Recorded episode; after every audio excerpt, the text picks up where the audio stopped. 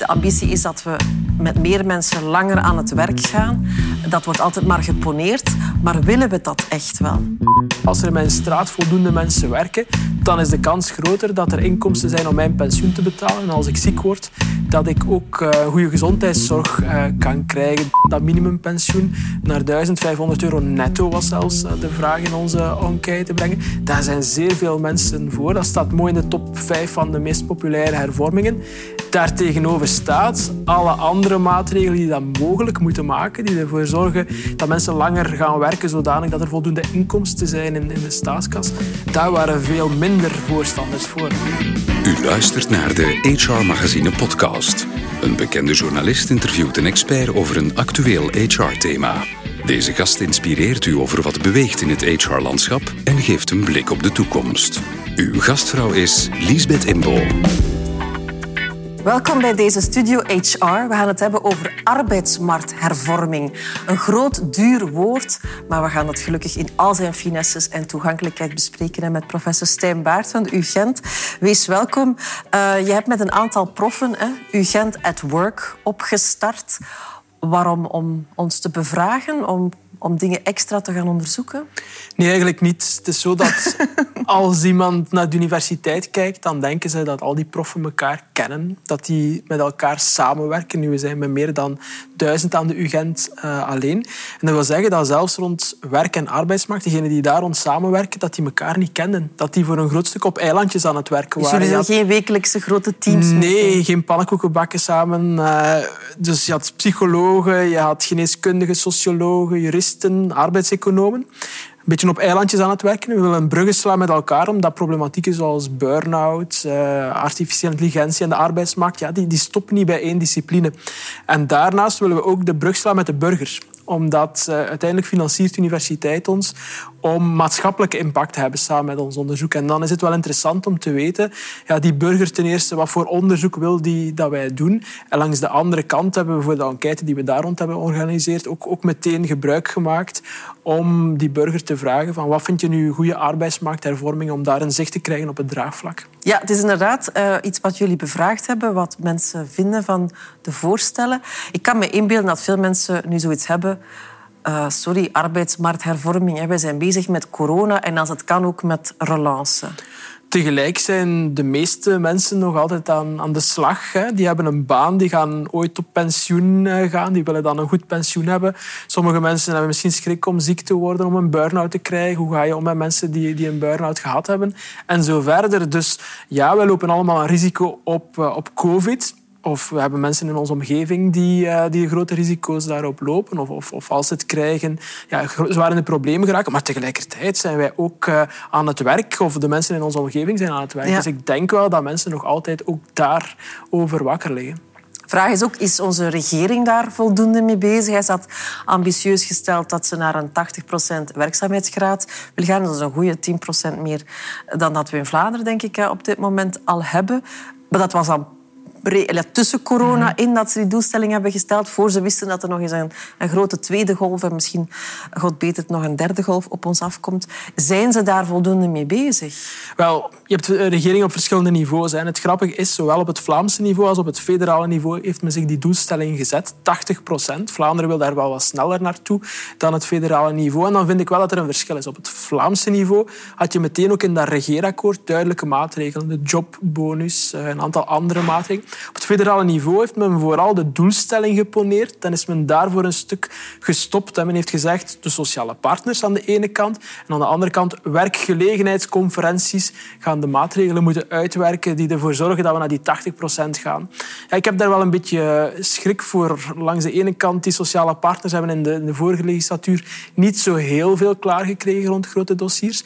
En langs de andere kant weet je dat als het niet in de, in de regeringsonderhandelingen wordt afgeklopt met een regering die zo divers is samengesteld, ideologisch, dat het zeer moeilijk zal zijn om, om zware hervormingen er nog door te krijgen. Maar goed, jullie hebben gekeken wat wij daar dan mm -hmm. van zouden kunnen denken. Bijvoorbeeld inderdaad, de ambitie is dat we met meer mensen langer aan het werk gaan. Dat wordt altijd maar geponeerd. Maar willen we dat echt wel? Wel, we willen vooral dat, dat de andere mensen in onze straat uh, langer werken. Hè. Dat is duidelijk. Want uiteindelijk, mensen denken misschien die, die werkzaamheidsgraad naar 80 procent uh, brengen. Daar liggen alleen maar arbeidseconomen van wakker. Maar in feite gaat dat ook over voldoende sterke schouders onder ons sociaal model krijgen. Als we willen dat de gezondheidszorg op niveau blijft, dat we de pensioenen kunnen betalen, ja, dan moeten er voldoende inkomsten zijn voor uw, voor uw staatskas.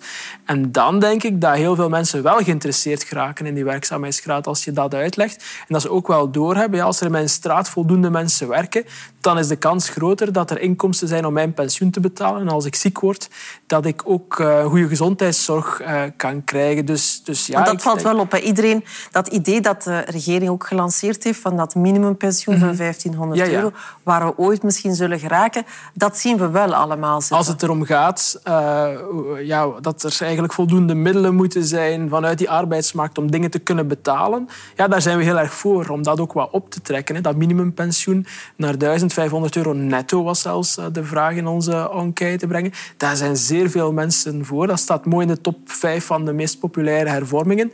Daartegenover staat alle andere maatregelen die dat mogelijk moeten maken, die ervoor zorgen dat mensen langer gaan werken zodanig dat er voldoende inkomsten zijn in, in de staatskas.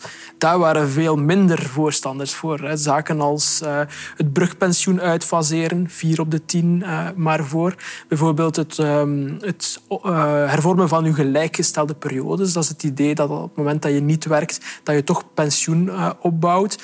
Ja, de logica zegt in feite dat je dat toch je pensioenopbouw dichter bij je effectief gewerkte jaar moet brengen. Ja, toch maar vier op de tien opnieuw die ervoor is om die hervorming door te voeren. Dus ja, aan de andere kant grote vraag naar meer pensioen. Langs de andere kant uh, heel veel ruimte of weinig draagvlak om dat ook financieel mogelijk te maken. Mocht ik persoonlijk de, de federale regering uh, leiden of de minister van Pensioenen zijn, ik zou daar niet gelukkig van geworden zijn. Nee, maar het is eh, inderdaad, dat draagvlak is dan moeilijk. Wat me wel verraste, is dat als je mensen voorstelt van stel dat je jezelf de loon kan behouden. Maar je werkt minder, dat toch de meeste mensen dat eigenlijk niet het beste idee vinden. Je zou nogthans denken, dat wil iedereen, hè? hetzelfde loon voor minder werk. Vermoedelijk weten mensen wat dat gewoon de realiteit is, dat dat te mooi is om waar te zijn. Hè. Wat betekent dat? Stel dat je voor hetzelfde maandloon minder uren werkt, dan betekent dat dat jouw werkgever jou voor elk uur dat je nog werkt meer moet betalen, dat jouw uurloon stijgt. Nu, als dezelfde tijd in andere landen zo'n actie niet wordt doorgevoerd, dan weten we dat die werkgevers daar competitiever worden ten opzichte van onze werkgevers. Want die blijven hetzelfde uurloon betalen. Onze werkgevers moeten plots een, hoger, eh, een hoger uurloon eh, gaan betalen. Dus op dat moment prijzen onze werkgevers zich, zich uit de markt. Dus, dus ga je voor zo'n systeem, dan ga je misschien de mensen die nog werk hebben ja, wat meer loon uh, geven, maar tegelijkertijd ga je, ga je banen verliezen. Dus ik denk wel dat mensen doorhebben dat zoiets te mooi is om waar te zijn. Maar dan zou je ook denken dat de meeste mensen ook wel inderdaad doorhebben dat we misschien mhm. wel langer moeten gaan werken. Want ook in andere landen slaagt men er wel in om iedereen langer aan de slag te houden. Maar daar is een groot verschil met die andere landen, dat men daar heel snel duidelijkheid heeft uh, gegeven. U zult tot die leeftijd moeten werken. We hebben in 2014 de regering Michel gekend, die uh, van start ging op dat moment en die zei, u zult moeten werken tot 67. Er komt snel een lijst van zware beroepen. We gaan het brugpensioen uitfaseren en zo verder. Sindsdien is dat in elkaar gezakt. Er is een vloe artistiek uh, gekomen en iedereen kan dus wel blijven denken dat dat langer werken, dat zal iets voor mijn buurman zijn en, en ik zelf zal wel... Want die zware uh, beroependiscussie lijkt ook een beetje verdwenen. Misschien misschien een goede zaak, want iedereen vindt van zichzelf wel dat hij zwaar werk levert op bepaalde Dat klopt, moment. en in feite zijn het ook eerder functies die uh, levensduur verkortend zijn of levenskwaliteit verminderd, verminderend, eerder dan dat beroepen uh, als, als geheel nu ja, zwaar of, of licht zouden zijn. Dus persoonlijk vind ik het wel goed dat die discussie een beetje naar de achtergrond is het goede model, mijn zinziens, was het model dat de pensioencommissie onder leiding van, minister Frank van, uh, van nu minister Frank van den Broeke, maar toen professor Frank van den Broeke heeft ontworpen. Dat is eigenlijk een beeldschoon systeem waarbij dat je dus punten verzamelt uh, en op die manier pensioenrechten opbouwt. Op het moment dat je niet werkt, dan ga je wat minder uh, punten verdienen. Heb je een functie die wat zwaarder is, dan verdien je wat meer punten. En dat zat zeer sterk in elkaar, maar vermoedelijk voor de, voor de Belgische context een te grote hervorming. Wij zijn gewoon om eigenlijk de, de koterijen die er al zijn uit te breiden met een volgende koterij in plaats van ja, een schoon schip te maken zoals in Nederland en met een nieuw plan te starten. Maar ik hoop wel dat uh, nu minister Van den Broeke dat hij toch zijn collega's is herinnerd aan dat mooie model dat ons echt al langer werken dichterbij zou brengen. Maar je zegt inderdaad, het gaat ook over uh, mensen ook terug aan de slag en, en dergelijke meer. Um, ook daar zie je natuurlijk zeker in, in volle corona heel veel mensen zitten op tijdelijke werkloosheid. Sommigen vrezen dat dat voor hen dan hè, in sommige sectoren misschien permanente werkloosheid wordt. Uh, minister Vlaams minister Krevits, moedigt ook altijd maar aan dat iedereen dat moment dat hij thuis zit of zonder werk zou gebruiken om bij te gaan scholen. Grijpen we dat momentum voldoende om ons voor te bereiden op wat er nog komt? Wel, in elk geval in, in woorden grijpt de minister dat aan. Hè. Ze zegt bijna elke dag in de krant, stond vandaag uh, weer in de standaard, uh, het moment aan om te zeggen wij moeten onze tijdelijke werklozen uh, ja, meer aanklampend zijn om, om hen wendbaar te maken via, via opleiding. En daar vinden we in onze, in onze enquête een enorm draagvlak voor, zelfs om het te verplichten, opleiding te verplichten voor tijdelijke werklozen. Drie op vier is daarvoor, dus daar is een enorm draagvlak. Maar mijn schrik is een beetje dat het bij woorden zou kunnen blijven, omdat ja, ten opzichte van die minister zijn er ook de sociale partners, werkgevers en werknemers. En die staan daar niet per se voor te springen. De vakbonden vinden eigenlijk die tijdelijke werkloosheid, ja, dat is een vorm van recht. Daar hoeft niet al te veel verplichtingen tegenover te staan werkgevers die willen dat iemand die op tijdelijke werkloosheid zit, dat ze die zo snel mogelijk terug hebben op het moment dat ze terug aan het draaien gaan en dat die niet wordt opgeleid voor een concurrent. En natuurlijk in ons model, waarbij dat die sociale partners een enorme kracht hebben, als die niet helemaal achter een hervorming staan, of geen enkel van de twee daar echt enorm achter staan, ja, dan wordt het wel moeilijk voor een minister. En dan, dan, dan zie je dat de intenties zeer goed zijn maar langs de andere kant zie je de cijfers nog niet echt eh, stijgen. Komt daar nog eens bij dat we in een staatsstructuur zitten waarbij dat in de eerste lockdownperiode de VDAB, die dan voor die opleidingen moest zorgen, niet eens wist wie dat de tijdelijke werklozen waren. Dat zat bij de RVA en die kon dat niet zomaar doorgeven. Ondertussen zitten we daar in een systeem dat men daar maandelijkse updates van krijgt, maar in feite zou de VDAB in real time moeten kunnen zien met wie zij aan, de, aan de slag moet. Maar dus men, men, loopt een beetje vast op het idee van verplichten, hè, als ik het goed begrijp. Een stap verder is natuurlijk, hè, dat is ook een discussie die vaak uh, wordt gevoerd, van wat doen we met mensen die permanent in de werkloosheid mhm. zitten. Er zitten zoveel jobs te wachten op iemand hè, om ze mhm. in te vullen. Moeten we mensen gaan verplichten om inderdaad te herscholen en die jobs aan te nemen?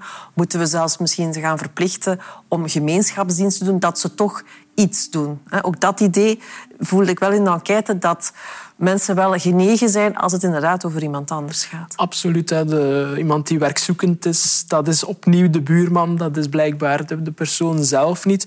Helemaal van boven in, in, de meest populaire hervormingen. Je hebt ze genoemd. Enerzijds die gemeenschapsdienst eh, voor langdurig werkzoekenden. Wat de Vlaamse regering trouwens plant. Hè. Ze spreekt dus daar is wel maar ze, ze plant dat wel. Langs de andere kant de strijd tegen de sociale fraude. Mensen die een uitkering ten onrechte krijgen. Misschien ondertussen in het aan het werken zijn of een voldoende inkomen hebben om die, om die uitkering niet te mogen hebben. Ja, daar is ook een enorm uh, draagvlak voor. Dat zijn blijkbaar ja, de anderen die dat doen. Hè. Daar zijn mensen dan heel sterk voor. Tegelijk vind ik dat daar ook wel iets positiefs uitspreekt, namelijk juist zei ik, ja, federale regering, zou je niet zo blij van worden van die resultaten. Maar één lid, minister eh, Van Petegem, ja, die de strijd tegen de sociale fraude en de fiscale fraude wil voeren, ja, die mag zich wel enorm gesterkt voelen. Er zijn weinig mensen die niet vinden dat de strijd uh, tegen het zwartwerk, tegen de sociale fraude mag uitgebreid worden. ja, ook dat is iets dat men in, in woorden wel, al, wel vaak brengt. Maar waar nu toch echt wel de, de daden ook bij, uh, bij mogen aansluiten. Wat ook al langer op de agenda staat, is je meer werkloosheidsuitkering geven als je net zonder job mhm. valt en dat dan in de tijd uh, laten beperken en, en uitfaseren. Dat zien eigenlijk, denk ik, de meeste mensen ook wel zitten. Ja, een groot percentage, maar daar werd ik zelf niet zo gelukkig van. Waarom ik heb in de tijd zelf die, die hervorming uh, ja, een beetje uitgetekend. En nu zie je ongeveer twee op de drie is daarvoor. Ik had natuurlijk gedacht, gegeven dat ik, dat ik daar zelf enorm achter sta, dat dat misschien vier op de vijf was of, of, of, of negen op de tien. Dus voor mij is dat vrij logisch. Dat op het moment dat je in het begin werkzoekend bent, niemand vraagt daarom. Mensen hebben een huis af te betalen dat je op dat moment wat de ruimte krijgt, meer dan nu, om echt voor die job te gaan die je wil. En niet om het even wat uh, van, van job aan te nemen. Ook niet als je een hypotheeklening hebt lopen. Maar dat je dan na drie, zes, negen maanden ja, die uitkering een beetje ziet zakken, zodanig dat je een prikkel hebt om de poelen van vacatures die je, die je overweegt te verbreden. Heb dat altijd heel rationeel gevonden en, en ook logisch, een logische hervorming om te, te doen. Daar is een zeker draagvlak voor maar niet hetgeen dat ik had, uh, had gehoopt. Maar misschien voel ik mij een beetje te, te verbonden met die, uh, met die hervorming. Maar heb je inderdaad het gevoel dat um, er zitten moeilijke beslissingen aan te komen? Al lang natuurlijk, maar ze zullen wel ooit eens moeten genomen worden.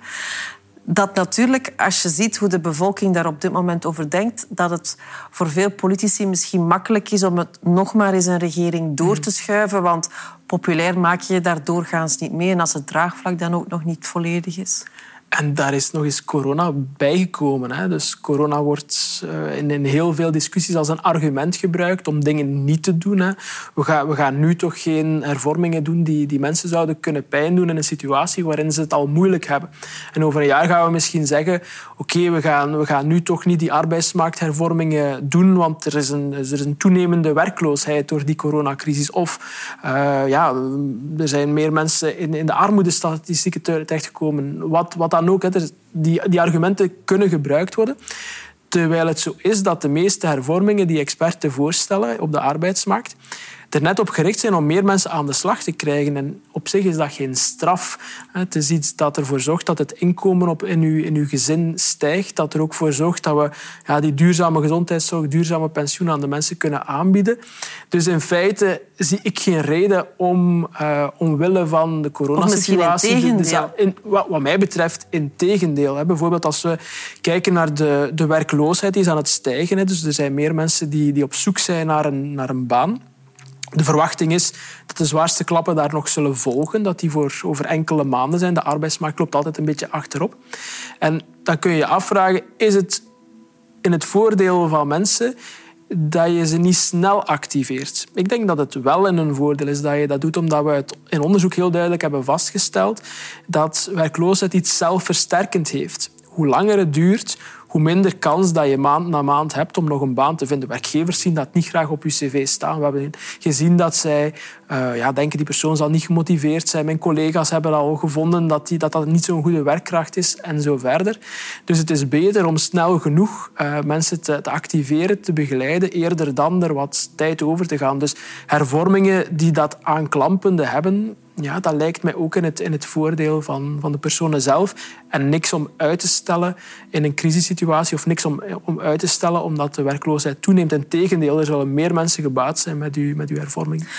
Wat natuurlijk ook veel mensen vrezen, is dat de vaste job meer en meer onder druk zal komen mhm. te staan. Ook met corona zie je dat ook natuurlijk. Als er, dat men vaak nu naar flexibele jobs op zoek gaat, mhm. omdat men niet weet van, hè, komt er nog iets, wat staat er ons toch te wachten. Ook daar was gesproken om dat ooit allemaal eens toch gelijk te gaan stellen, dat je toch ook eigenlijk op, op richting pensioen en dergelijke meer als freelancer, mhm. als zelfstandige toch ook een mooi parcours kan rijden. Ja, er zijn, er zijn twee elementen. Hè. Dus er is het, pensioen, waar dat enorme verschillen uh, zijn. Hè. Je hebt zelfstandigen ten opzichte van mensen die bij de overheid werken. En ik spreek tegen mijn eigen winkel, maar ik vind absoluut dat daar meer gelijkheid moet, moet inkomen. Langs de andere kant heb je ook de, de loopbaan zelf. Hè. We vergelijken dat soms met uh, ja, een autosnelweg, waar dat mensen op verschillende snelheden rijden. En in feite heeft de coronacrisis er enkel een vergrootglas op gelegd. Je had mensen met, met vaste contracten goed betaalde banen, uitdagingen, goede arbeidsmarktomstandigheden. Die hebben veelal een job behouden. Langs de andere kant mensen met tijdelijke contracten. Denk aan de projectcontracten in de cultuur bijvoorbeeld. Ja, die zijn een job verloren. En om nu te pleiten voor meer flexibiliteit, dus, dus meer op dat baanvak te steken van de, van de tijdelijke contracten, ik vind dat echt geen goed idee. Dat zijn ook vaak mensen die, die zelf een, een, een vaste positie hebben, die die aanbevelingen doen. Terwijl dat ik denk, ja, de arbeidsmarkt moet toch uh, verschillende segmenten uh, van, uw, van uw populatie dienen. En dus ik ben zeker niet voor een, voor een, een, een heel sterke extra flexibilisering en, en het systeem van uh, freelancers uh, nog, nog, nog, nog veel te gaan versterken. Is het probleem ook niet dat heel veel van die hervormingen naast een draagvlak natuurlijk ook veel geld kosten of toch veel dingen altijd afgekocht worden hè, op een of andere manier. Want je kan de pensioenen gaan gelijkstellen, maar minder is altijd moeilijk. Dus het is dan vaak bijgeven aan wie minder heeft. Is dat ook een van de redenen waarom het in, in ons land altijd wel ergens fout loopt? Omdat daar altijd zo'n enorm kostenplaatje aan hangt? Ja, ik kan natuurlijk niet in het, in het hoofd van, van politici kijken wat dat betreft. Maar het is duidelijk dat, ja, dat sommige dingen op korte termijn geld kosten om op langere termijn meer geld op te leveren. Dat is het idee van een investering. Uh, sommigen spreken nu ook over investeringen wanneer het gaat over pensioenen en over uitkeringen. Nu, dat zijn in principe geen zaken die ja, meer opleveren dan ze kosten. Dat zijn zaken die uw begroting structureel, dus niet voor een tijdje, maar voor heel lang gaan verslechteren. Andere zaken, hervormingen eh, zoals uw jobbonus, die wat extra geeft aan mensen die werken, of investeringen in de kinderopvang, ja, daar is het idee wel dat die op langere termijn meer opleveren dan dat, ze, dan dat ze kosten. Dat die ervoor zorgen dat er meer mensen aan de slag gaan en dat je nu kort even meer moet uh, investeren om dan op langere termijn je, je, staatskas meer op orde te zetten. Het is zoals infrastructuurwerken die je doet om uh, de levensomstandigheden te verbeteren. Ja, als er geen geld is voor uh, infrastructuur te verbeteren op korte termijn, dan stelt men het misschien uit. Terwijl dat men dan op de middellange termijn ja, geld dat men had kunnen besparen, niet bespaard heeft. Dus ook daar denk ik dat er geen argumenten zijn om hervormingen die u meer opleveren dan ze kosten te gaan, te gaan uitvoeren. Ja. Nog tot slot, omdat je net over de kinderopvang sprak. Er was ook, jullie hebben ook uh, nagaan of mensen vinden dat uh, de vaders van hun tien dagen zorgverlof naar twintig dagen zorgverlof ook daar had ik dan misschien verwacht dat daar een groter draagvlak zou voor zijn. Wat toch in Scandinavische landen tot hele mooie resultaten leidt. Daar zit de Vlaming blijkbaar ook niet op te wachten. Ik ook. Ik was daar erg door verrast. In het algemeen de, de, de hervormingen die onze arbeidsmarkt wat vrouwvriendelijker zouden, zouden maken. Ja, die, die, hadden niet zoveel draagvlak. Wat meer draagvlak onder vrouwen dan onder mannen. Maar, maar globaal viel dat nogal tegen. Terwijl dat we met onderzoek heel duidelijk ook hebben vastgesteld dat er een, een straf bestaat in, de, in, onze arbeidsmarkt voor het, voor het moederschap. Heel de maatschappij draagt de vruchten van, van het krijgen van kinderen. Maar vrouwen zien daar in hun carrière ja, ja, duidelijke drempels door ontstaan. We hebben aangetoond met fictieve sollicitatie dat precies op die fertiele leeftijd, op de leeftijd dat vrouwen kinderen krijgen, dat daar de, de achterstelling uh, nog plaatsvindt. Dat wanneer een vrouw op haar cv aangeeft dat ze één kind heeft en nog vrij jong is, dus nog een tweede kan krijgen, dat zij dan uh, veel minder wordt uitgenodigd op een jobgesprek. En maatregelen zoals ja, vaders een beetje in het babybad meetrekken door hen een, een langer vaderschapsverlof te geven. Of bijvoorbeeld het, het, aantal weken dat je ouderschapsverlof hebt te laten groeien als vader en moeder, dat wat gelijker verdelen. Ja, dat lijken mij toch wel vrij logische hervormingen. Tenminste, om al de discussie in de huishoudens uh, te, te, brengen van goed, we gaan een kind krijgen, maar hoe gaan we ervoor zorgen dat we ja, onze, onze beide carrières daar op dezelfde manier een beetje uh, last tussen alle aanhalingstekens van ondervinden. We hebben misschien toch het gesprek op gang gebracht, op zijn minst al misschien in die huiskamer. Stijn Baart, dank je wel.